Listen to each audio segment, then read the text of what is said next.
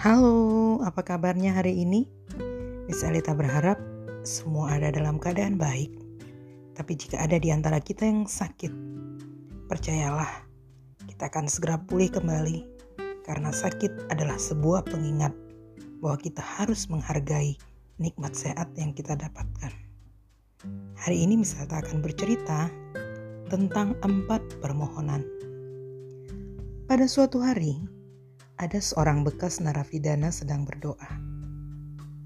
Tuhan, doanya, berikanlah kepada hamba segala yang hamba butuhkan agar hamba dapat menikmati sisa hidup hamba ini.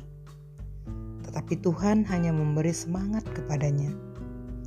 Mula-mula ia kecewa, tetapi lama-kelamaan ia dapat menerimanya karena dengan semangat itu ia dapat menikmati sisa hidupnya.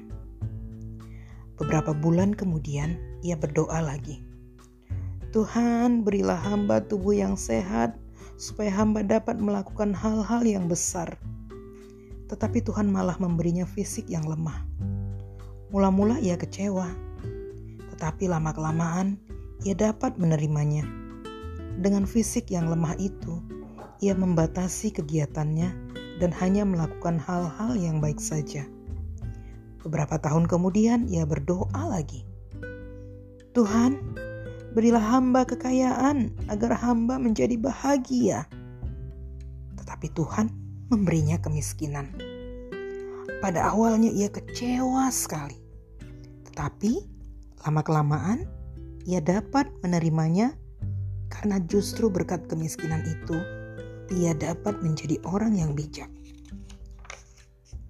Beberapa puluh tahun kemudian, ia berdoa lagi. Tuhan, berilah hamba kekuasaan supaya hamba mampu mengatur dunia dan mendapatkan kehormatan. Tetapi Tuhan malah memberinya ketidakberdayaan. Mula-mula ia kecewa, tetapi lama-kelamaan ia dapat menerimanya karena justru dalam ketidakberdayaannya itu ia menjadi manusia yang mampu mengatur diri dan peka terhadap sesama.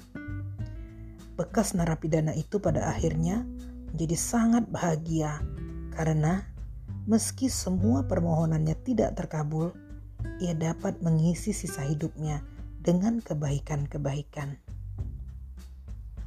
Demikian cerita Miss Alita hari ini. Apa yang bisa kita pelajari dari cerita di atas? Ya, tidak semua hal yang kita inginkan itu baik bagi kita. Sementara itu, hal-hal yang tak terduga kerap kali justru menjadi berkat bagi kita. Bye bye.